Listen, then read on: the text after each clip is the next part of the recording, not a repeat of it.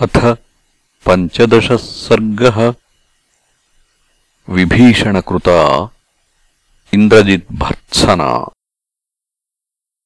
बृहस्पतेस्तुल्यमतेर्वचस्तन्निशम्ययत्नेन विभीषणस्य ततो महात्मा वचनम् बभाषे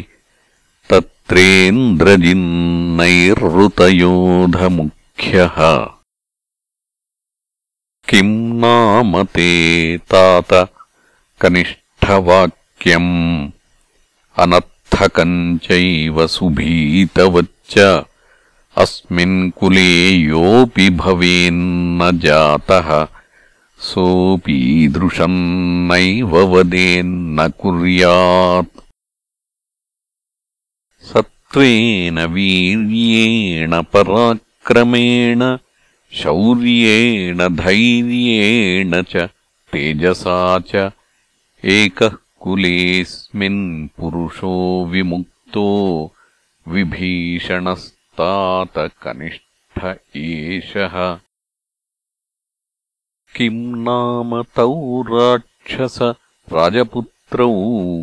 अस्माकमेकेन हि राक्षसेन। सु प्राकृतेनापि रणे निहन्तुम् शक्यौ कुतो भीषयसे स्म भीरो। त्रिलोकनाथो ननु देवराजः शक्रो मया भूमितले निविष्टः। भयार्दिताश्चापि दिशः प्रपन्नाः सर्वे तथा देवगणाः समग्राः। ऐरावतो विस्वरमुन्नदन् स निपातितो भूमितले मया तु विकृष्यदन्तौ तु मया प्रसह्य वित्रासिता देवगणाः समग्राः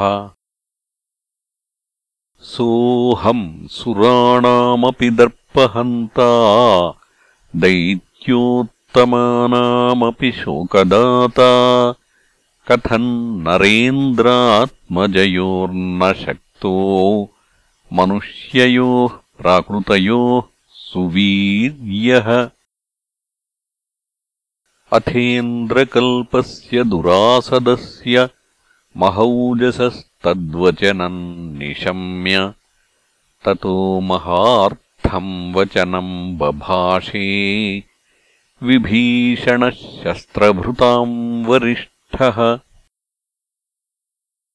न तातमन्त्रे तव निश्चयोऽस्ति बालस्त्वमद्याप्यविपक्वबुद्धिः तस्मात् त्वया ह्यात् विनाशनाय वचोऽर्थहीनम् बहु विप्रलप्तम् पुत्रप्रवादेन तु रावणस्य त्वमिन्द्रजिन्मित्रमुखोऽसि शत्रुः। यस्येदृशम् राघवतो विनाशम्। निशम्यमोहादनुमन्यसे त्वम् त्वमेव वध्यश्च सुदुर्मतिश्च स चापि वध्यो य इहानयत् त्वाम्। बालम् दृढम् साहसिकम् च योऽद्य प्रावेशयन्मन्त्रकृताम् समीपम्। मूढः प्रगल्भो विनयोपपन्नः तीक्ष्णस्वभावोऽल्पमतिर्दुरात्मा मूर्खस्त्वमत्यन्तसुदुर्मतिश्च त्वमिन्द्रजिद्बालतया ब्रवीषि। को ब्रह्मदण्डप्रतिमप्रकाशान् अच्छिष्मतः कालनिकाशरूपान् सहेतबाणान् यमदण्डकल्पान् समक्षमुक्तान् युधि राघवेण। धनानि रत्नानि विभूषणानि वासांसि दिव्यानि मणींश्च चित्रान् सीताम् च रामाय निवेद्य देवीम्।